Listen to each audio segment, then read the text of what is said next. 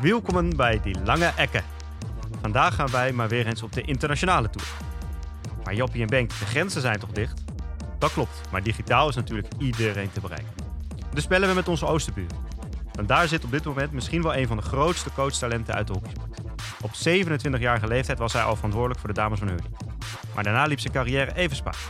Met dank aan Trump bleef het in Nederland bij een aantal korte avonturen op hoog niveau. Maar nu is deze man aan het shinen in Duitsland. Heeft hij een vette zaaltitel op zak en is hij waarschijnlijk de best geklede coach van Duitsland. Hoe zijn weg naar de top was, waarom die in Nederland niet doorzette en hoe het is om in Duitsland te werken, gaan we allemaal horen van niemand minder dan Rijn van Eyck. Gaan snel beginnen met de lange corner. Ja, Jap, we zitten er toch weer voor gewoon elke week nog steeds. Ja. Ik bedoel, het, het is nog Ja. even aankijken wanneer, eh, wanneer we echt ook zelf de afstand moeten gaan bewaren. Maar zolang Nou ja, we, hebben dit anderhalf kunnen... meter, dus ik denk dat er nog. Ik denk dat het, dit wel een beetje blijft zo hoor. Ik denk dat we dit wel gewoon kunnen blijven doen. Ja, Maar, vanavond, het is nu dinsdag dat we opnemen. Vanavond eh, horen we meer over het waarschijnlijk hoe lang eh, de, de huidige maatregelen nog verder worden uitgesteld. Dus dat is ook voor, voor mij in het hockey wel even een belangrijk momentje. ja, ik denk dat voor jou het hockeyseizoen is afgelopen. Dat, dat denk ik Dat ook. denk ik maar ook ik, ik, ik hoop vooral dat ze er nu gewoon duidelijkheid over gaan geven. Ja, ik, vind dat op zich, ik heb op zich nu, ik vind het heel jammer, maar ik heb ergens vrede mee dat dat gebeurt. Maar hak wel gewoon even vanavond of morgen die knoop door, weet je. Ga niet nog, eh, want als het nu 1 mei wordt, dan ja, misschien daarna, weet je, dan blijven ze maar.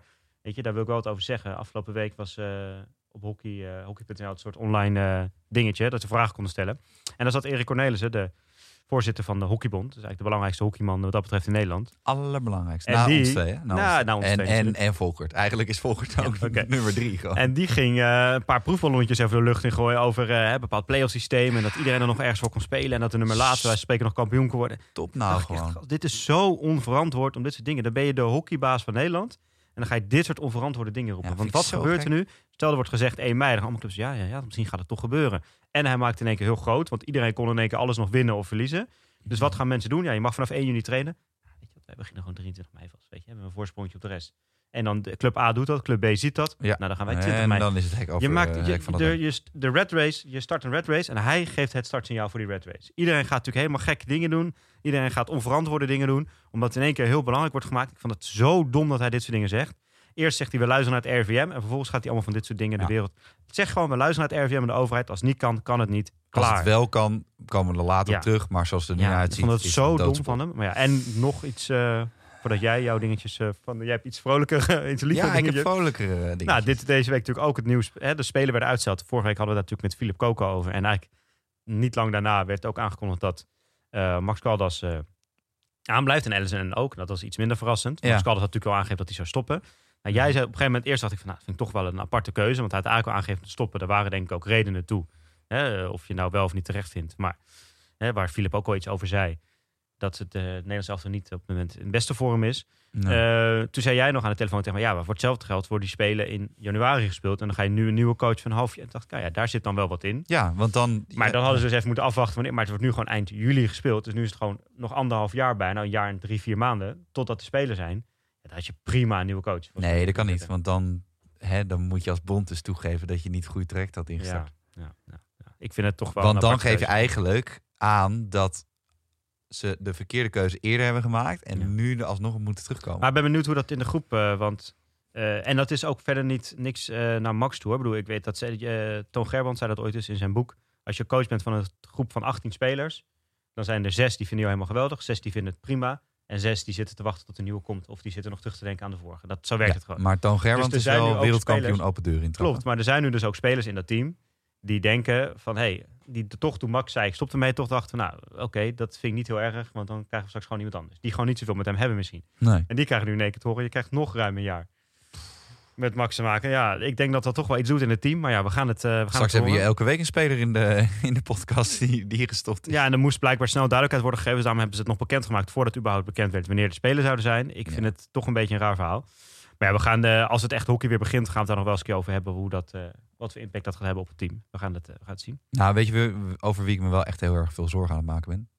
Siggy. Ja, die zit in Japan. Siggy zit in Japan, moet nog een jaar wachten Ja. als bondscoach van Japan. Die is nu zoveel aan het eten.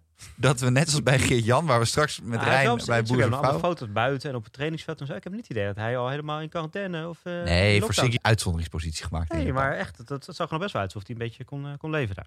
Kijk. Nou, Nou. laten we hopen dat het met Siggy ook goed gaat. Maar we gaan hem, we gaan hem wel komende week even proberen te Ja. bellen of zo. Laten Nou, we met dat even het in ieder geval goed gaat is eh, met jou. Want jij hebt deze week de Gameface Challenge uitges- uitgespeeld. uitgespeeld, terwijl Ja. jij eh, bijna Sorry. overlijdt aan Ja, hik. nee, uitgespeeld. De, we moeten kijken vooral even op onze Instagram. Wij werden uitgedaagd voor de Gameface Challenge door Gos Malen Heren. Ik Twee weet ik weet niet. een van de team. Maar eh, in ieder geval Heren bedankt drie jongens. Of Heren 1. En eh, toen, ik heb nog ergens in mijn archief op mijn telefoon een hele oude foto van Bank. Een legend foto. Waar ik hem vaak mee heb eh, geplaagd. Als je een gepest. Tyrannosaurus rex wil zien met een hockeystick... Ja. En een aantal jaar geleden Bank het ook echt niet tegen als ik die foto aan mensen liet zien. Ik heb hem ook toen aan zijn huidige vriendin, toen we bij de eerste keer dat elkaar moeten laten zien. Maar nu kan ik er wel om lachen. En nu zei ik tegen hem, ah, zet die erop, dan ben je echt een held. Nou, dat deed hij. Dus Ja. bij deze props voor jou, Bengt. Mooi dat je dat mooiste spot is zelfspot. Zeker. Dat is echt, eh, dat is wel echt waar. En voordat we onze gast gaan bellen, wil jij nog over één hobby vertellen? Volgens mij? Nou ja, kijk, ik ben... Wel snel, want we moeten, want Nou, anders zit, eh Bepaal ik zelf wel. Rijn zit op ons te wachten. Nee, maar weet je wat het is? Bepaal ik zelf wel. je moet een beetje over de zin van het leven gaan nadenken. En wat het wel is in deze tijden, en dat vind ik wel echt saai aan het worden. En ik, ik ben nu wel op het moment dat de verveling een beetje aan het inrammen is. Is dat het leven zo vlak aan het worden.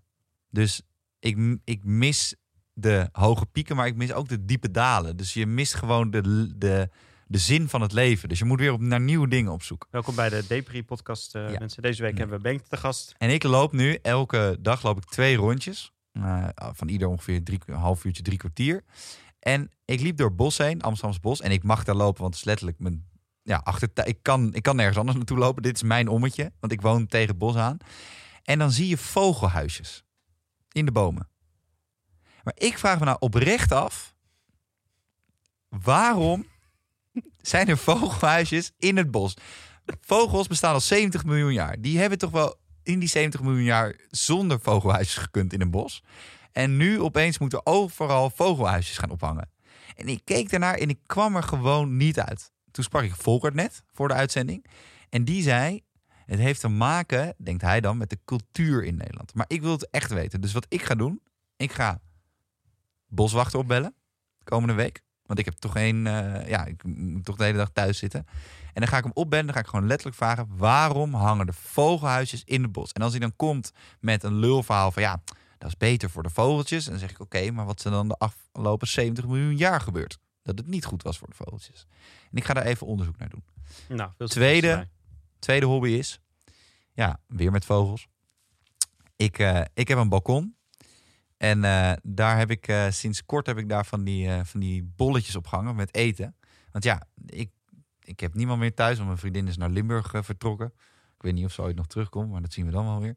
Maar, nou wel, hopelijk komt ze wel terug. Maar, en ze komt geloof ik zaterdag al terug. Maar in ieder geval, er komen nu papegaaien bij mij langs. En in Amsterdam zijn er ooit papegaaien eh, die zijn eh, uitgezet.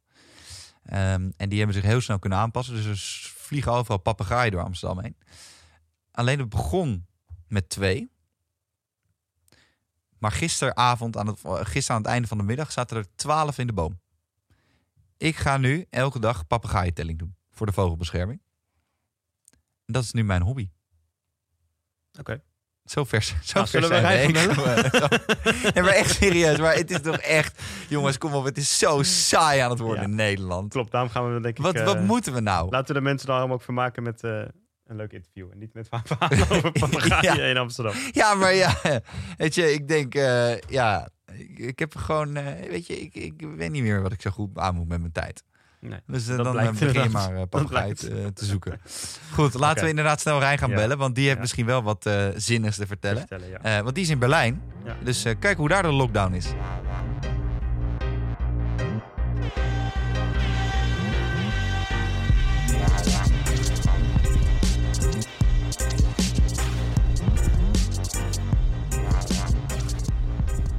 Hey Rijn, ehm, goed dat je er bent.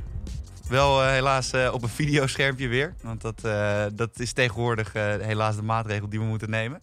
Maar eigenlijk om hem meteen even in te trappen van hoe gaat het in Berlijn? Hoe is het daar op dit moment? Ja, leuk dat ik, dat ik ook een keertje bij mag zijn, mannen. Ook in Berlijn ben ik natuurlijk trouw luisteraar. super mooi de ontwikkeling in Hockey Nederland mee te maken. Hier gaat het super. Ik ben hier nu 2,5 jaar als coach van de mannen van Berliner HC uh, actief. 2,5 jaar geleden zijn we, Marit en ik, mijn vriend en ik, zijn uh, geëmigreerd. Valt eigenlijk super goed. Het weer is wat beter. Ehm, het werk is vrijwel hetzelfde, alleen de balans tussen werk en geen werk is, is wat anders. Uh, ja, het eten is wat vetter, er wordt meer gedronken. en er zijn helaas ook heel veel Duitsers. Um, maar al met al is het een, uh, een geweldig avontuur en gaat het super. Ja. Nou, heel goed. En hoe, hoe wordt nu de hele coronasituatie in Duitsland uh, Ik neem aan dat de club ook dicht is en zo. Hoe, hoe zit dat nu bij jullie? Um, nou, in Duitsland wordt het iets uh, anders gehandhaafd dan in Nederland, wat ik uh, voor mijn gevoel zo meekrijg. Dus ja. de maatregelen die zijn hier aanvankelijk meteen tot 9 april ingevoerd. Oké. Okay. Um, dus we zitten hier nu inmiddels zo'n... Uh, dit is de derde week dat we thuis zitten met z'n allen. En dat verschilt van boendesland tot boendesland. Dus je kunt dat een beetje vergelijken met provincies. Dat de provincies ja. zelf uh, afzonderlijk van elkaar die beslissingen mogen nemen. Ja, um, ja dus de, de, de clubs zijn gesloten. Uh, tot afgelopen vrijdag mochten alleen de Olympisch atleten nog gebruik maken van de openbare sportfaciliteiten. En die okay. um, uh, uitzonderingsregel is per afgelopen maandag ook ingetrokken. Dus... CR17 mag ook niet meer. Uh... Nee, ja, ja, het is, CR17 zat in het, uh, in het zogenaamde risicogebied. En okay. in het westen in Duitsland ja. zijn er wat meer Olympisch kaderatleten. Hier in Berlijn hebben we enkel hebben we er maar twee, hooguit drie. Uh, waardoor de, de grootte van de groep ook kleiner blijft. Dus hier konden we wat rustiger doortrainen. In het westen werd het al uh, wat sneller stilgelegd. Ik vind het wel echt typisch Duits. Hè? In Nederland dan iedereen meteen klaar. Ook Olympische sporters. Duitsers denken, zolang die Olympische Spelen niet is uitgesteld... pakken we een voorsprong die we kunnen pakken. Gaan ze toch trainen. Hè? Dat vind ik... Uh, dat zegt iets over de mentaliteit weer.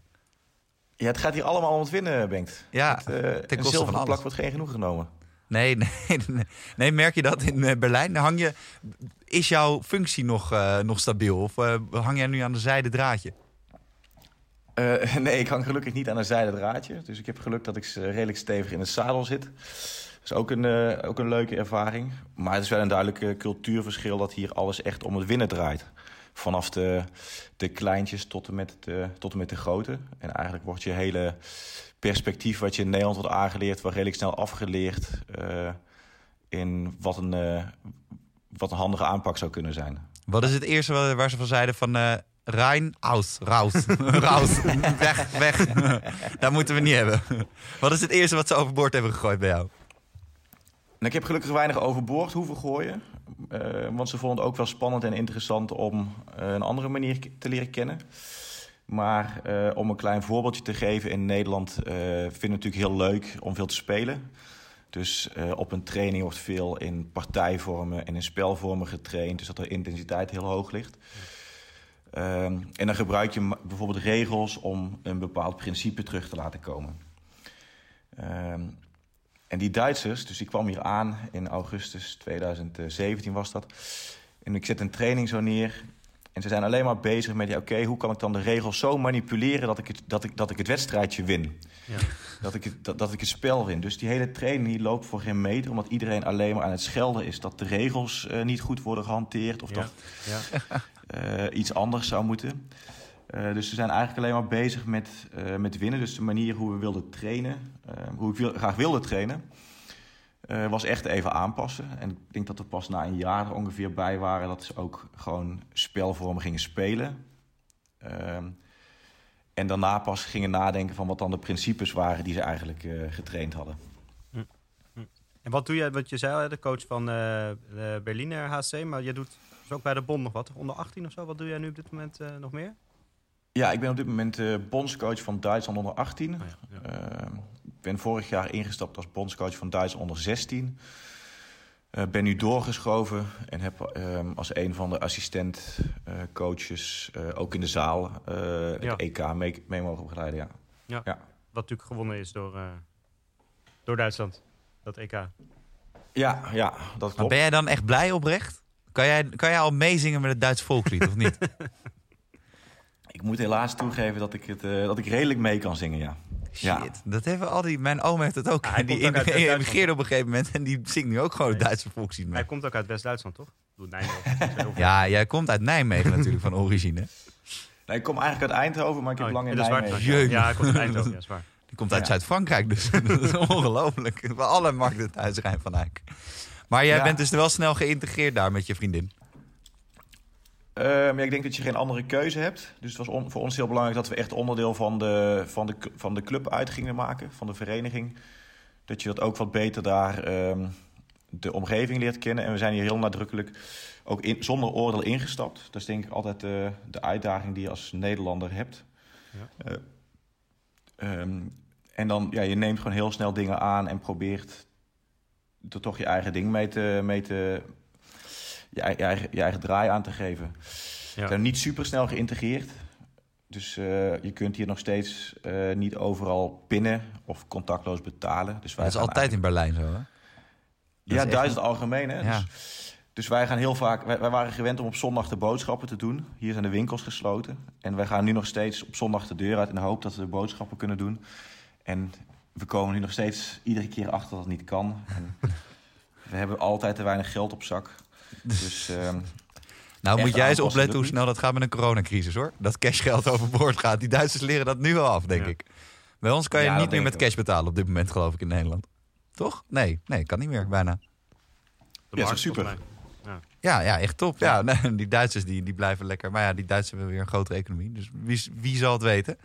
hey, en ehm Jappie zei net al, je, je bent natuurlijk uiteindelijk natuurlijk wel begonnen in Nederland gewoon. We zouden bijna ver- vergeten al dat jij Nederlander ooit was. Want ik, jouw WhatsApp, ik, ik ging dus zijn WhatsApp-foto kijken. Hè. Daar, staat, daar loopt hij gewoon over een hockeyveld met een, met een Duits tricot. Oh ja? Het is, gewoon, het, het is gewoon een Duitser geworden. Het is ook al een beetje een Duitse eh, naam. toch? Ja, maar je bent natuurlijk ooit in Nederland begonnen. Kan ja, jij klopt, ja. ons meenemen back in the days naar de Rijn? Van, was jij iemand die op zesjarige leeftijd al dacht van het hockey is niks voor mij, ik pak mijn coachbordje erbij? Of ben jij wel eerst echt, eh, heb je geprobeerd te hockeyen? Nou, ik heb zeker geprobeerd te hockeyen. In hoeverre dat het een succes was, eh, eh, ja, dat, dat, dat moet ik denk ik in het midden laten. Ehm, ik ben in Eindhoven bij HC Eindhoven begonnen. Vroeger was het PSV Tegenbos. PSV geluk tegen zijn- Bos? PSV Tegenbos, ja. ja. Dus, eh, die zijn later gefuseerd met Racing. Ah, waar. Michel van de Heuvel bijvoorbeeld ook vandaan komt. Eh, en ehm, bij HC Eindhoven hadden we eigenlijk een hele goede lichting... waarmee we eigenlijk altijd ehm, landelijk meespeelden, ook play-offs speelden. Ehm, ik ben een beetje, ik ben dezelfde lichting als eh, Mink en Pasha en Bob. Allemaal Eh, vrienden van de show. Allemaal vrienden van de show, hè? Dus, En Bob belde toen ook als een moeder, of niet? Eh, nou, Bob die kwam altijd bij de districtstraining met zijn petje op. Eh, Kijk, dat, dat zijn altijd de beste hockeyers met een petje. Ja, ja. En ehm, nou, ik heb dus vroeger altijd ook met eh, Mink en Bob ook in het district gezeten. Op een gegeven moment nog voorselectie bij het Nederlands. En wel een hele goede lichting, waardoor je dus eigenlijk nooit in oranje-zwart hoefde over te stappen. Ehm, en ik heb als bijbaantje altijd training gegeven in de jeugd. Ik heb toen nog een, een blauwe maandag hoofdklasse gespeeld. Zo anderhalf jaar. Ehm, en op mijn, eh, eh, wat was het? Op mijn 21ste, nadat ik eh, in Amerika bij een via een hockeykamp verliefd was geworden, heb ik een jaar lang mijn studie eigenlijk niet echt genoeg aandacht gegeven. Alleen maar gehockeyd en gereisd. En toen kwam ik op een gegeven moment op het punt van... ja, shit, ik kan nu mijn ouders vertellen dat ik niet zoveel met mijn studie heb gedaan. Of ik kan het nu mijn afstand gaan wegpoetsen. Heb ik voor de laatste gekozen en als gevolg daarvan ben ik naar Nijmegen eh, overgestapt. Ehm, en dan ben ik gaan hockeyen in Heren 1. Destijds een overgangsklasse. Top overgangsklasse. En ben ik jongens A gaan coachen. Ik was op dat moment al, eh, was ik, kijken, 21. Districtstrainer eh, van Zuid-Nederland. Zuid-jongens C. En ehm, kwam ik uit het niks bij Nijmegen. Ging daar hockeyen. Eh, werden we uit het niks eh, eigenlijk met een, eh, een team zonder in, jeugd internationals landskampioen. Het jaar erop was ik bijna klaar met mijn studie. zaten we midden in de crisis. 2010 was dat, denk ik. En toen ehm, kon ik assistent worden van Heren 1, waar ik zelf ook in speelde. Mm was natuurlijk wel een prima zakcentje. Ik vond het coachen inmiddels ook wel heel erg leuk. Ehm, en ik bleef jongens aancoachen. Maar je hebt dat toen ook gecombineerd, het spelen en assistentcoach? Ja, ik heb, ik heb dat toen aanvankelijk gecombineerd. En uh, redelijk snel werd duidelijk dat, het, uh, dat de combinatie van het team met de, de, de, coach destijds niet optimaal paste. Zoals dat soms in het hockey gaat. Mm -hmm. toen werd er afstand gedaan van de coach. Ik was uh, net klaar met mijn scriptie. Had al aangegeven dat ik na dat jaar wilde stoppen en eigenlijk wilde gaan werken. Natuurlijk moeilijk was in de crisis. Um, en toen kwam de vraag vanuit het team en de club: ja, we willen eigenlijk dat, uh, dat jij het overneemt. En toen ben ik van de een op de andere dag gestopt met hockeyen op mijn uh, 23ste. Uh, en werd ik coach van Nijmegen, Heren 1. Maar hoe gaat het? Want jij, jij maakt dus al onderdeel uit van het team. En dan kom je op een gegeven moment kom je natuurlijk de kleedkamer inlopen, ben je opeens hoofdcoach Rijn. Maar je bent ook pas 15 jaar oud. Ben net klaar ja, met je vijfde, vijfde klas HAVO, bij wijze van spreken. Hoe, hoe komt dat over naar. Heb je ooit het idee gehad dat het moeite eh, heeft gekost om dat over te brengen naar spelers? Of heb je wel eens gehad dat mensen dan. Hè, bijvoorbeeld, ik kan me voorstellen als je 32 bent en er zit weer iemand van 23 naar je te schreeuwen op de bank. Dat je op een gegeven moment omdraait en zegt: hey, uh, eerst je rijbewijs halen en dan pas wat zeggen. Uh, ja, dat is in het begin natuurlijk heel erg onwennig. ik denk dat je ook heel kwetsbaar moet opzetten in die situatie. Je wordt ook een beetje gedwongen een bepaalde coachingstijl aan te nemen. Ik vond het ook heel lastig. Het voordeel van dat je uit het team komt, is dat je natuurlijk ook heel goed weet wat er speelt in het team en wat zo'n wat zo'n team zou willen hebben. Ja. Uh, dus daar heb ik natuurlijk heb ik in het begin redelijk gebruik van kunnen maken. En ik kon toen de jeugd goed inzetten, omdat ik ook nog coach was van jongens A1. Oké. Okay. Um, maar ja, er zijn wel een aantal jongens waar je bijvoorbeeld in het veld soms ook ontzag voor hebt. Uh, mm -hmm. Als speler zijnde, die dan in één keer toch moet zeggen hoe het moet gebeuren. Ja. Um, ja, dus, dat is altijd lastig. Maar dat is denk ik een, een, dat is denk ik iets wat je naarmate je meer ervaring hebt sowieso leert. Uh, en je moet daar ook leren, denk ik, de belangrijke spelers voor je te winnen en, en binnenboord te houden. Dus uh, ik heb daar aanvankelijk ben ik wel echt heel bewust begonnen met een, uh, ja, een of andere compromis, uh, compromismodel. Waarbij je toch wel de ervarende spelers uh, iets meer laat zeggen en laat bepalen. Um, maar ja, maar naarmate je ouder wordt, word je ook wel zelfverzekerder in dat je, dat je je eigen keuzes door moet drukken.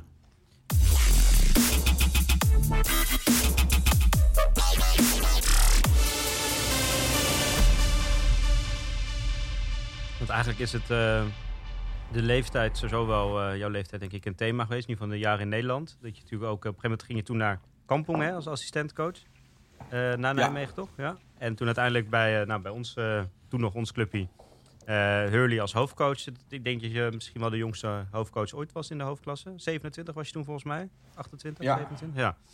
ja. Um, hoe ging dat, wat jij zegt, hè, het is een ervaringsvak en als je ouder wordt, word je zelfverzekerder. Hoe, hoe ging dat in die tijd toen bij, bij Kampong, maar zeker ook bij Hurley als hoofdcoach? Hoe kijk je daar nu op terug? Was je toen nog te jong? Was je al wel klaar daarvoor? Hoe is dat... hoe was dat um, nou, ik denk dat, dat er is daar heel veel heel snel gegaan. Ik heb er heel veel van geleerd. Ja, um,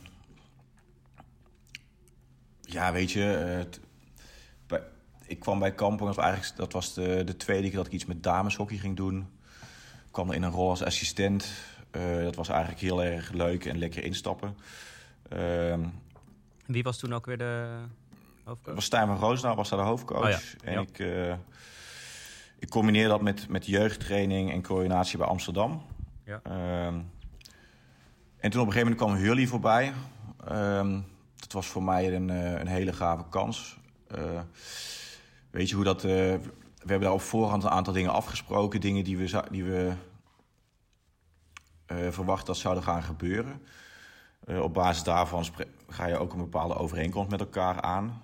Um, dat is ook allemaal zo gebeurd denk dat een aantal. Kijk, de, de, wat waren, die, wat waren die afspraken dan? Wat, wat, wat heb je op voorhand met elkaar afgesproken?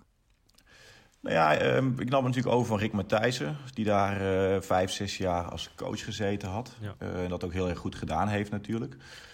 Ehm, we hebben daar heel bewust gezegd dat er wat. ehm, dat het natuurlijk niet van een leien dakje zou lopen. Dat de chemie met de groep op, meteen optimaal zou zijn.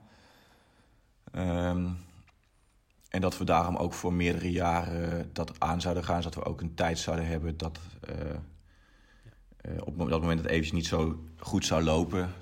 Dat we ook tijd zouden hebben om aan elkaar te wennen. Je hebt natuurlijk echt een ander type als dat Rick eh, was natuurlijk. Ja.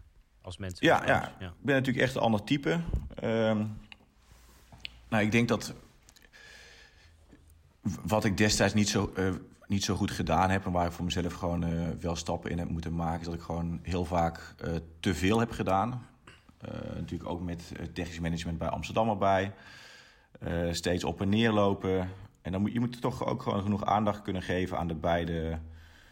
ehm, aan de beide factoren, aan de beide, die beide werkgevers. Wat natuurlijk in Nederland eh, vaak wat moeilijker te, te, te regelen is. Volgens mij, eh, Jasper mag ook wat coördinatieve, coördinatieve dingen bij Cartouche doen. Ja. Omdat je waarschijnlijk van alleen het assistentcoach of coach zijn... er niet helemaal je huur in Amsterdam zou kunnen betalen. Ja.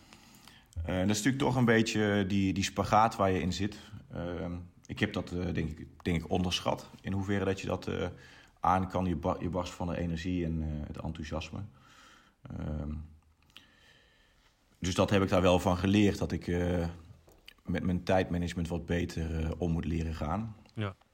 Kijk, wat daar verder voor keuzes gemaakt zijn op basis van eh, mijn ervaringen die ik daarvoor gemaakt heb. eh, ik denk dat dat niet. eh, ja, dat, dat zijn interne dingen voor een team die denk ik niet hier besproken hoeven te worden. Ehm, maar er zijn natuurlijk absoluut een aantal keuzes geweest waarvan je achteraf zegt, ja, misschien had je dat, had je dat anders kunnen doen of had je dat niet zo moeten doen. Maar klinkt wel heftig achter- als je dan de, de, de keuze maakt. Hè, vooraf natuurlijk ga je...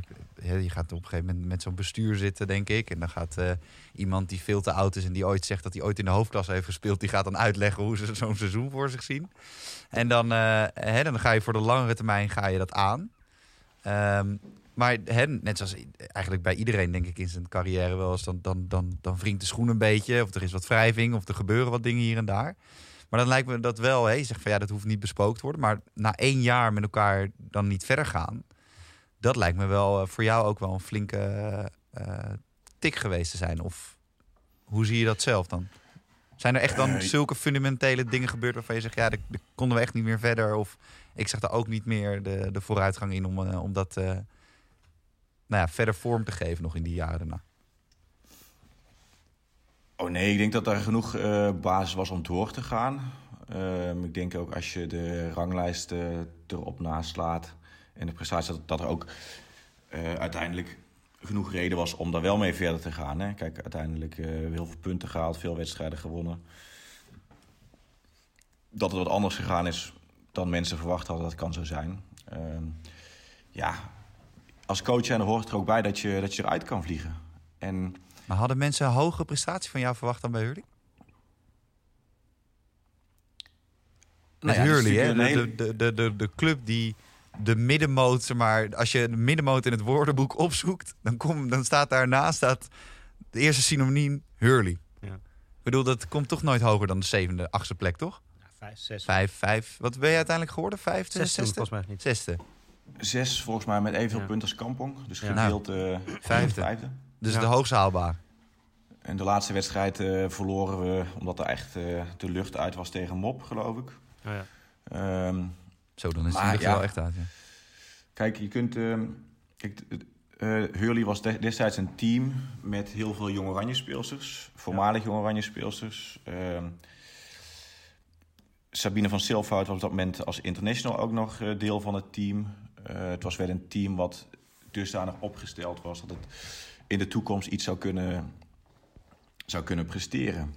Dus je, je, je spreekt wel een bepaalde meerjarenplanning uit in de hoop dat je stappen maakt in een, eh, in een, in, in een richting naar boven. Ehm, ik denk dat we dat ook hebben gedaan. Eh, het is mooi natuurlijk hockey gespeeld. Ik vind dat we bij Vlagen ook mooi hockey gespeeld hebben, ja. Maar eh, Maar was er dan toch eh, een soort van, weet je, wij, wij komen allebei natuurlijk ook van die eh, club. Dus wij kennen de club een beetje. En Klein beetje. nou ja, de, zeker aan de dameskant is het verloop in coaches afgelopen jaren wel vrij groot geweest. En wat ons gevoel altijd is, is dat er toch een soort van in de lucht hangt van eigenlijk dat er dan toch een, een groep, misschien binnen het team of bestuur vindt van we moeten richting die play-offs gaan. Terwijl wij dan eigenlijk denken, ja, dat is niet realistisch volgens mij met het, het budget en de mogelijkheden die je verder op, eh, op Hurley hebt. Toen inderdaad, wat jij zegt, door Rick waren er toen redelijk veel jonge oranje speelsters bijgekomen. Maar Ja, dat was ook dan- omdat als je bij Rick in het team zat, dat je dan, en dat moeten we ook eerlijk zijn, sneller kans had om in Jong Oranje te komen. Ja, maar dan Zo nog, zijn er dan ook nog wel veel meer er- spelers ontstaan Ja. die in Jong Oranje hebben gespeeld. Dan nog speelden er op dat moment zeven internationals bij Amsterdam, zeven bij Den Bosch en nog eh, vier bij uh, Stichtse misschien. Dus is dat, eh, was, heb je dat ook zo ervaren, dat die druk er toch een beetje op zat, we moeten een keer richting die play-offs? En was dat überhaupt realistisch met Hurley? Of was het niet zo, werd dat niet zo nadrukkelijk gezegd? Eh, dat werd niet zo nadrukkelijk gezegd. Eh, ja, dus nee, ik heb die druk ook niet zo ervaren dat dat eh, per direct zou moeten gebeuren. Ik heb het altijd meer als een hoop en stip op de horizon gezien. Ehm, dat jaar was natuurlijk Bas Bruin nog technisch directeur. Ja. En die maakte in, dat soort ook de, de overstap naar Kampong. Daar zie je natuurlijk ook dat, de- dat er dan verschillende stromingen ontstaan. Weet je, je, je leert ook heel veel over. ehm, ja, je leert wel veel hoe de hazen, hoe de hazen lopen. En, Ja. ehm, wat natuurlijk interessant is, is dat als je gaat kijken naar, eh, naar punten. En ja, als jullie nu zeggen dat er ook mooi gehockeyd werd naar hoe er gespeeld werd. En als je dan toch zo'n beslissing neemt, ja, dan.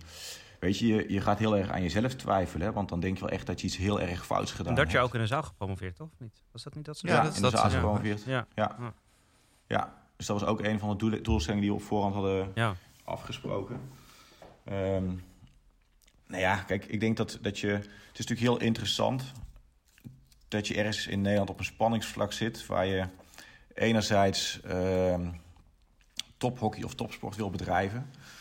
Eh, en dan verwacht je en hoop je natuurlijk dat je daarop eh resultaten of hè, op, op iets, iets zichtbaar, zichtbaars wordt afgerekend. Ehm, en dan kan het natuurlijk altijd zo zijn dat je geen optimale klik met de groep hebt. Hm. Ehm, dat hoort erbij. En ik denk dat je, daar, dat je daar gewoon een punt hebt van, nou, daar moet je aan proberen te werken. Of je moet het gewoon eerlijk uitspreken. En dan, eh, dan hoort erbij dat je ook de keuze kunt maken dat je uit elkaar moet gaan. En dat je, dat je wegen daar scheiden. Ehm, het is absoluut geen leuke, geen leuke ervaring. Ik heb daar zelf eh, echt wel heel veel last van gehad. Ook heel veel moeite mee gehad. Je gaat heel erg aan jezelf, aan jezelf twijfelen. Ehm, Ook een ego-dingetje.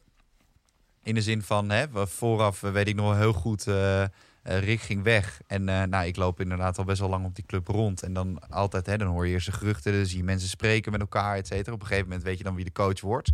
En dan lees je dat het een, eh, hoe oud was je toen? 27 of zo? 27? ja. En eh, eh, ik weet nog wel, zelfs in de Parool, groot interview. hè, over de ambities die je had, et cetera. Ik weet nog, Rijn, en dat is, dat is niet tegen jou bedoeld, maar Jappie en ik zaten toen in de trainingsgroep. En toen kregen we een presentatie van jou Oh ja. aan het begin van het seizoen. En samen ook met de heren 1 coach. Simon met Organ, Simon ja. Organ. En die presentatie van jou. Ik denk dat dat de gekste presentatie is die ik ooit heb gehad. maar echt, by far. Maar ja, geloof ik meteen. ja, jongens. over. Ik weet nog wel, ik heb wat, wat termen opgeschreven die me nog zijn bijgebleven na. Wat is dat, vijf jaar geleden of zo? Ja, vier. vier. Eh main stage, Hard gaan. hard gaan. Ja, het is wel blijven hangen. Ja, de, heer, de. Hurley, Hurley he- heroines. Heroines. Ja. heroines. Ja. Het waren wel termen waarmee je binnenkwam natuurlijk. En waar je was wel, ja, wel eh, voor eh, het, het hockeyplusje wel een, een, een hip event natuurlijk. Die, die hè, met, eh met bomba ja, misschien niet allemaal zelf verkeerd, maar je kwam hè, wel met een bepaalde bombarie natuurlijk binnen. Ja, ik denk als je zo'n verhaal vertelt en je verliest de eerste vier potjes, dan heb je mensen wel een soort stok gegeven om mee te slaan, zeg maar. Het is anders dan misschien... kijk, Simon had daarna een heel, eigenlijk een heel basic verhaal. Van, nou, over rugby en Alle en- ballen op Kenny. En, alle ballen op Kenny En rennen. in de box, in de box Been. bal kwijtraken. Eh, dus het was wel een soort van vernieuwend of zo. Maar daardoor denk ik ook wel dat je onder, meteen onder een soort vergrootglas komt te liggen. Van, oh, die eh, jongen van 27 eh, komt ons allemaal even vertellen hoe het, Hoe het werkt. hoe het werkt. En eh, dat gaan we eens even bekijken nu op zondag, of dat ook zo werkt inderdaad. Ehm, ja, ik denk dat je op het moment dat je iets anders doet, dan maak je zelf altijd. eh, Ja. ehm, er bestaat altijd het risico dat, je natuurlijk, eh, dat, dat er extra naar je gekeken wordt. Als ze die eerste vier wedstrijden verloren hadden, dan was het inderdaad zo Ja. geweest dat er een stok was geweest om te slaan. Volgens mij is dat niet zo gelopen. Nee. Ehm, Geloof ik speelde je wel gelijk na die presentatie, weet ik nog wel. zou, zou absoluut toen stonden wij langs de lijn en toen was het... Dan, daar hebben we wel veel grappen over kunnen maken, gelukkig. Maar eh, Ja, nou ja, ik denk ergens ook terecht. Kijk, van de andere kant, eh, je, je kiest een aanpak. Eh, ik denk dat sowieso daarin eh, mannen en vrouwen toch wat anders eh, in elkaar steken. Ja. Ehm, Sloeg die aanpak aan bij het Ja. team, denk je? Of, of heb je het iets te ingewikkeld voor ze gemaakt misschien? ik, nou ja, ik denk dat die aanpak. eh, ik, ik denk dat het evident is dat het niet helemaal aangeslagen is. Hè? Dus eh, Ja. zo, eh, zo simpel kun je er ook eh, in staan. Dat, het, dat dat de reden is dat, het, eh, dat iets niet gelopen is zoals, ik, eh, zoals je hoopt dat iets loopt. Dit is denk ik te, te kort door de bocht. ja, precies. Hey, en, maar wat ik dan niet begrijp, hè, Rijn, want ik heb gisteravond heb ik even, eh, ben ik even de boeken ingedoken, de, het internet opgegaan. Jij hebt best wel veel damesteams gecoacht, hè? Of in ieder geval een paar. Valt wel mee. Nee, Kampong en Hurley. Nou ja, dat vind ik toch best wel veel. Oké. Ja, voor je meer dan voor, jij niet. voor, mij, voor mij is dat heel veel. Ja. Nou ja, dat is toch best wel een periode geweest dat hij dat heeft gedaan. Jawel. Maar waarom? Ja, ik heb eh, twee jaar lang. Jij bent een eh, ambitieuze, jonge, hippe vent. En je vindt het spelletje leuk, zeg je. En dan ga je een damesteam coachen. Dan ik weet nog wel, ik heb een jaar lang met, met Jappie... eh, hadden wij dan op zondagochtend contact. En dan eh, vroegen wij van, ah, zullen we dan... zullen we dan even hierin gaan kijken? Ja, is prima. Lekker zonnetje. Ah, zullen we ook dames heen gaan kijken? Ja, misschien wordt het dit keer wel leuk. En elke keer En meestal kwam de tweede helft pas binnen. ja, en daarna na de tweede helft dachten we, ja, dit was weer niet... Waarom ben jij, eh, waarom ben jij uiteindelijk dameshockey gaan coachen? Waarom, waarom ben je niet lekker bij die mannen gebleven? Want je, je, je komt best wel goed met, met, met mannenteams blijkbaar. Want je had wel resultaat en eh, ging wel goed. En bij Nijmegen waren ze altijd heel positief over je. Ehm, nou ja, kijk, ik heb op een gegeven moment heel bewust de stap, de keuze gemaakt dat ik naar het westen toe wilde. Omdat je, als je in het hockey werkt in Nederland, eh, je toch niet altijd even serieus genomen wordt eh, als je onder de rivieren of buiten de Randstad eh, actief bent. Nee, dat klopt wel. dat, dat- Ja. Als Randstad jongetje kan ik dat wel beamen, ja. Weet je, daar, daar- ik vind daar, daar mogen we best eerlijk over zijn. En ik denk dat, dat, dat je van de andere aanpak ook heel veel leert. Dus ik wilde mezelf daar ontwikkelen. Mhm. Die kans was er bij Kampong. En ik vind niet dat je ehm, mannenhockey of herenhockey en dameshockey met elkaar moet vergelijken als sport. Nee, moet je, nee, de een is een sport en de ander niet. Nee, maar dus kijk, op het moment dat, jij gaat, gaat, op het moment dat je gaat beoordelen dat het een beter is dan het andere, dan denk ik dat je voorbij gaat aan wat eh, fysiek überhaupt mogelijk is. Ik denk dat het verschil tussen een hoofdklasse team bij de dames en een overgangsklasse team bij de heren, of inmiddels een promotieklasse team bij de heren, Mhm. is natuurlijk volledig in de, de beleving en de topsportmentaliteit van de speels en de spelers die je hebt. Ja. En kijk, de- je, je, kunt, je kunt erover klagen dat eh, in de dameshoofdklasse een bal 20 kilometer zachter in de lange hoek binnengeslagen wordt. Maar die wordt tenminste wel structureel in de lange hoek binnengeslagen. En ik weet niet hoeveel promotieklassen of overgangsklasse wedstrijden jullie eh, bekeken hebben. Maar die, eh, die constante, die, die ontbreekt daar een beetje. Ehm, de bewuste keuze om volledig voor de sport te gaan. Kijk, dames hoofdklasse is net zo goed als heren hoofdklasse, gewoon topsport. En die meiden, die geven daar alles voor. En die maken heel bewust bepaalde keuzes daarin. Die beginnen al veel vroeger mee dan jongens, omdat ze al veel vroeger bij de dames mee kunnen doen. Mhm.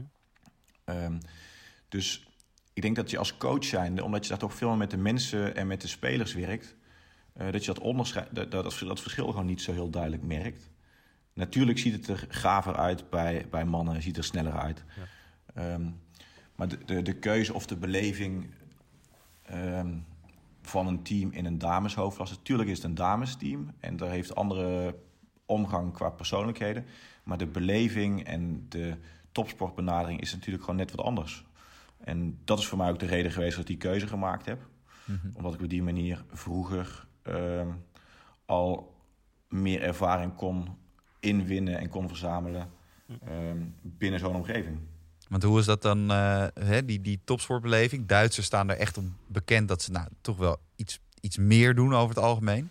Ze doen ook alles altijd beter dan Nederlanders. Want ja, dat, dat is gewoon een feit. Ik kan niks opnoemen wat wij beter kunnen. Ehm,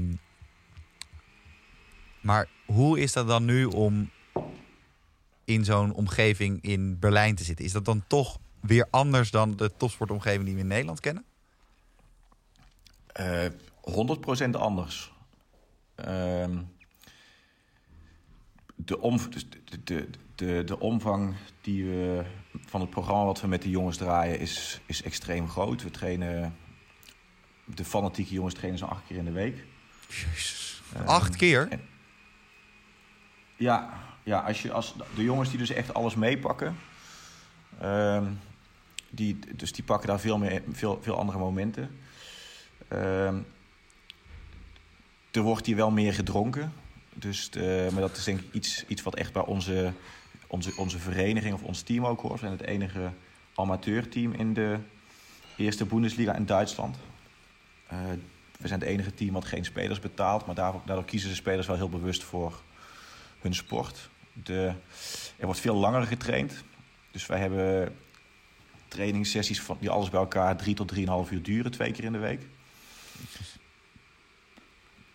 Dat kun je vanuit je Nederlandse bril waarschijnlijk bijna niet voorstellen. Eh, dus dat is natuurlijk heel anders. Ehm, er wordt hier eerst getraind en na afloop wordt, wordt gevraagd van ja, waarom hebben we het eigenlijk gedaan? En in Nederland krijg je vaak op voorhand de vraag van ja, waarom, waarom moet je het eigenlijk doen? Ja. Ehm, en of het leuk is of, of het leuk is, is veel minder belangrijk eigenlijk hier. Ehm, het- ook weer dat puntje, het gaat om het winnen. Ehm, maar het is ook, eh, er, is er is een ander idee van wat belangrijk is. Dus hier in de voorbereiding vindt iedereen het heel normaal om vier weken lang geen stick aan te raken. En alleen maar hard te gaan lopen en te gaan sprinten. ja. Ja, dan moet je in Nederland maar eens voorstellen. Hey, Ja. jongens, we beginnen half juli met de voorbereiding. En dan de eerste drie of vier weken gaan we alleen maar met z'n allen keihard rennen. Maar daarom vond ik het ook wel op- opvallend dat jij net zegt van eh, in de hoofdklasse is het eh, topsport. Kijk, ik geloof wel in tophockey, maar ik, ik heb toch wel twijfels als je naar andere sporten ook in Nederland al kijkt. En als je dit nu ook hoort van hoeveel jullie trainen. Of het bij, ik denk eh, zeker de internationals echt wel. Maar of het nou echt bij alle hoofdklasse teams, of daar echt sprake is van topsport, zeg maar. Dat, dat, het is ook net hoe je het definieert natuurlijk, maar... Ja, ik denk dat je topsport ook niet moet definiëren naar de omvang, maar naar de instelling. Hey, en, ook- Ja, ja. ook op dat vlak heb ik nog wel eens het idee dat niet iedereen daar... eh, iedereen die in de hoofdklasse speelt per se meteen... eh, wij drinken hier ook veel bier, Rijn. Ja, dat is ook topsport, denk ik. Ja, nou zo. Ik kan mijn topsport nu niet bedrijven in de kroeg. Weet je hoe pijnlijk ja, dat is? Het? Ja. Hey, maar, maar eh, jij zou eigenlijk, want dat kan me ook nog herinneren. Jij zou helemaal niet naar Berlijn gaan in eerste instantie. Jij zou coach worden van het meest prestigieuze, de meest prestigieuze universiteit ter wereld. Eh, ja, we zouden eigenlijk eh, naar Boston gaan verhuizen. Naar Harvard. al, eh, ja, ik zou op Harvard als trainer aan de gang gaan. Ehm, Hoe gaan Ja, dat soort helaas. gesprekken? Want ik- het is uiteindelijk, daar komen we zo meteen op waarom het hem niet is geworden. Maar even, hoe word je gecontact voor. Eerst krijg je een brief van Harvard, dan denk je, oh gaaf, mijn studie. Maar dan eh, dat blijkt toch het hockeyteam te zijn. Maar, maar hoe, gaat, hoe gaat zoiets in zijn werk? Ehm, nou, de, de, de hoofdcoach op Harvard is een Nederlander, Tjerk van Herwaarde. Eh, komt uit Amersfoort. Ehm, en ik ken hem ah, omdat ik in de zomer vaak eh, kampen eh, daar gegeven heb. En ook veel met hem samengewerkt. En hij nam contact met mij op of ik geen interesse zou hebben om dat avontuur met hem aan te gaan. Ehm, ik zat in Nederland eigenlijk een beetje op een, eh, in de situatie dat het gewoon te veel was. Kijk, dat is ook dat, dat, dat stukje wat je net aansprak met ego. Ehm, ik vond het belangrijk om meteen weer een serieuze club te gaan begeleiden. Ja. Ehm, en ben toen naar Voldaan gegaan. Wat eigenlijk in combinatie met Amsterdam toen eh, gewoon te veel was. Ik Mhm. was zeven dagen in de week aan het werk. En ik wilde, we wilden eigenlijk tussenuit. Ja. Eh, dus het kwam eigenlijk heel goed uit. Het hockey in Amerika is toch qua belasting voor een trainer denk ik wat, eh, wat ontspannender. Ehm, Nou, vervolgens kom je in, een, in zo'n sollicitatiemallenmolen. Hè? Dus je moet je cv opsturen. Uh, vervolgens heb je een gesprek met, uh, met de athletic director. Dan heb je nog een volgende gesprek met... In de volgende ronde dan heb je nog een gesprek met het team. En uiteindelijk wordt er dan gezegd dat, je, dat, dat ze voor jou gekozen hebben. En, en toen kwam Trump aan de macht. Ja, nou, die kwam eigenlijk wel iets, iets van tevoren aan. Ja. Het was eigenlijk iets van tevoren. En ik heb ook gezegd van ja, maar dat America First gaat dat geen probleem zijn. Nee, dat kan niet zo snel. Dat zal echt wel wat langer duren. Ja. Um, en uiteindelijk uh, ging dat toch wat harder. Dus de, er kwam een uh, quotum op visa. Um, de grote universiteiten hadden toch wat angst om uh, het aantal visa wat zij hadden of wat zij mochten aanvragen, ook voor sport uh, in te zetten. En daardoor kwam er heel veel uh, vertraging in die uh, hele machine. Ja. In de tussen had ik natuurlijk al mijn baan bij Amsterdam en bij Vordaan opgezegd. ja, en dan wordt het toch even een heel vervelende en spannende situatie. Ja. Maar ben jij, op die, ben je echt op die campus ook nog geweest, op, op sollicitatiegesprek of niet? ik ben wel regelmatig op die campus geweest, ja. ik ben daar niet op sollicitatiegesprek geweest. Dat is dat was eigenlijk wel de bedoeling. Alleen dat kon ik toen in verband met mijn coachverplichting niet in, inrichten. Niet regelen. Uh, dus dat is allemaal via, ja, eigenlijk op deze manier gegaan. Hè? Dus via de videoconferentie. Shit. Maar wel, wel, het zou wel gaaf zijn geweest. Coach van Harvard. Dat is een beetje alsof je het zwerkbalteam van Zwijnstein mag, uh, mag coachen bij Harry Potter. Weet je, zo stel ik me een beetje voor. ja, dat is toch gewoon een beetje zo.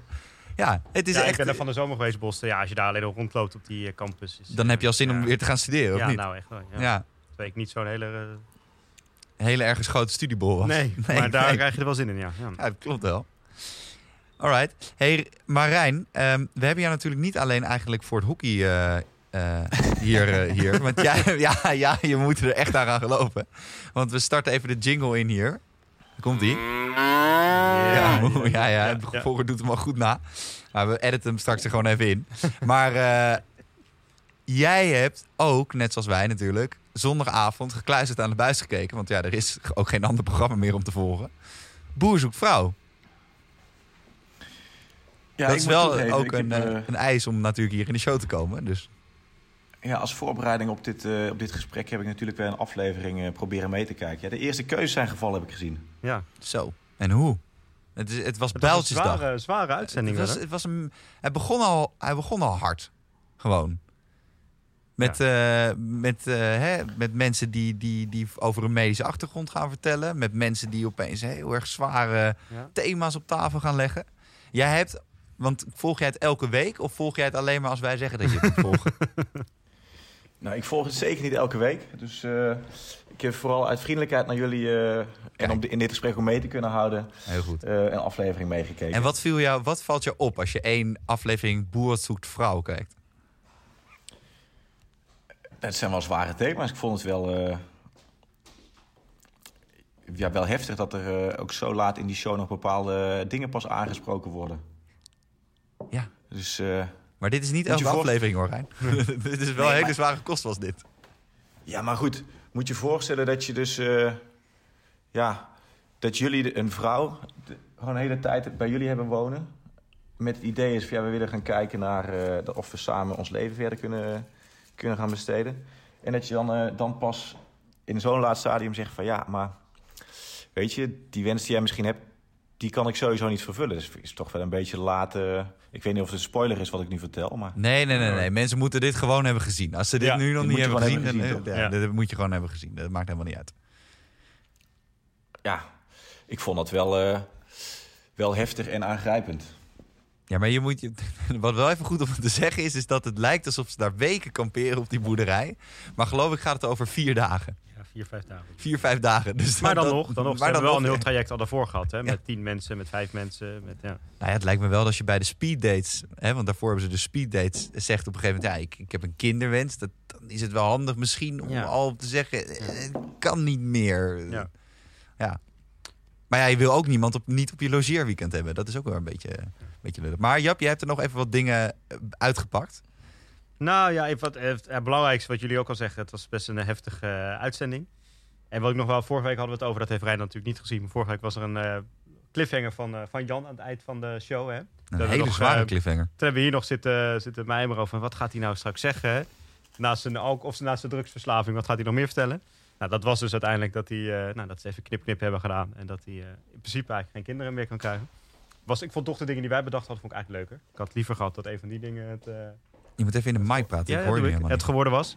Maar eh, nou ja, verder wat, wat jullie zeggen, het was gewoon best wel eh, heftig. Maar ja, dat hoort er denk ik ook bij als je naar de Maar de allergrootste held alsnog weer was Geert-Jan. Ja. Want Geert-Jan die is aan het lopen met zijn twee boerinnen Ja. die nog over zijn. Ja. Bij Geert-Jan vallen ze ook met bosjes op dit moment. Want iedereen is aan het twijfelen of ze nog wel met Geert-Jan willen zijn. Ja. Wat ook wel weer een beetje sneu is. Maar op een gegeven moment staat één van de dames staat een eindje verderop. En die vraagt of ze iets mag pakken. Of geef even wat aan mij. En dan komen de legendarische woorden van Geert-Jan. Misschien kan Geert-Jan ze ook eens een keer zelf opvolgen. Is, nou, lopen kwam voor jou geen kwaad. Dus kom maar hier naartoe. Nou, Geert-Jan heeft ongeveer de omvang van heel Berlijn. Dus lijkt het mij wel handig dat Geert-Jan dat in het vervolg ook gaat doen. Ja. Het Ja, is ja, echt, ja, ja. die vent... Ik heb er echt, eh, als het Blijft bij. Unibet nog kan, ik ga er echt geld op inzetten dat hij het einde van de serie niet gaat halen. Dan is het te veel appeltaart gegeten en eh, ja. ja. We moeten wat in deze tijden, Rijn. Ja. Dus je moet gewoon een tv-programma zoeken en dat moet je uitkiezen. Dat Ja. moet je omarmen. Ja, dat vind ik super voor jullie jongens. Ja. Ik eh, ben nog steeds op zoek naar Bauer zoekt vrouw. ik, heb het nog niet, ik heb het nog niet eh, kunnen vinden hier op de Nee. tv. Wat is nu jouw, wat is nu jouw go-to-serie op dit moment? Of wat doe jij nu in deze quarantainetijden om de tijd door te brengen? Boah, jongens. eh, Behalve sporten, dat, mag, dat geloof ik dat je dat aan het doen bent. Maar dat, dat zou ik graag willen toegeven dat het zo was, maar... Ik, eh, bij jou vliegen de kilo's er ook aan als bij Geert-Jan. Ja, ja. Dus eh, nee, het is hier heel veel eh, plannen maken. En ja, iedere dag wordt er wel... eh, ik denk dat we één dag in de week wel een hele serie er doorheen jagen. We Jezus. hebben vorige week... met- ja, één dag in de week. Dus gewoon zes dagen in de week doen we wel andere dingen. Oh, oké. Eh, Oh, gelukkig. nee, ik heb de, de laatste serie die we gekeken hebben is Messiah. Vond ik niet super goed. Maar eh, ja, kun je altijd wel even kijken. Ehm, en verder, ja, we kijken hier dagelijks eh, Duitse kookprogramma's tijdens, eh, tijdens het eten ongeveer. Dus ehm ja, dat heb je Wauw. in Nederland ook. Dat, ja, dat is echt. Kijk uit, Rijn, de meeste echtscheidingen gebeuren tijdens deze periode. Ja, ja, gelukkig hebben we genoeg ruimte dat we in een andere kamer elkaar kunnen opsluiten. Oh ja. Eh, en dat we elkaar niet hoeven te zien. Dus, eh, Gek Maar hoe je is, die, die gewoontes van Duitsers dan opneemt, hè? Mensen in kamers op. Nee, nee. Eh, nou, sluit maar snel af voordat het eh, helemaal escaleert hier. eh, nee. nee nou, even een tip voor alle kijkers thuis en ook voor Rijn. Tiger King. Ja, Tiger King op Tiger Netflix. King ja. op Netflix is echt... Ja. Dat is de beste serie die ik de afgelopen vier jaar heb gezien. Daar kunnen we ook nog een keer een eh, Ja? podcast over maken, over Tiger Oh King. man, ja, wij, wij moeten nu ook wel met onze tijd. Ja. Dus we, de, alle gasten zijn er nu bijna doorheen. Dus we moeten nu wel ook eh, gaan kijken wat we voor de rest kunnen gaan, eh, Ja. gaan vertellen. Maar Tiger King is top. ik zet hem op mijn lijstje voor Dat komende is een soort van eh, eh, eh, een film waarvan, waar die, dat er gewoon een documentaire Gewoon een is. docu, ja. Waarvan je denkt, dit kan helemaal niet. Nee, het is vrij dat, bizar. dat is het. En Kijk het de is echt maar, dan weet je al hoe bizar het eh, is. bizar. Als je de trailer kijkt, dan denk je, nou, dit kan helemaal niet.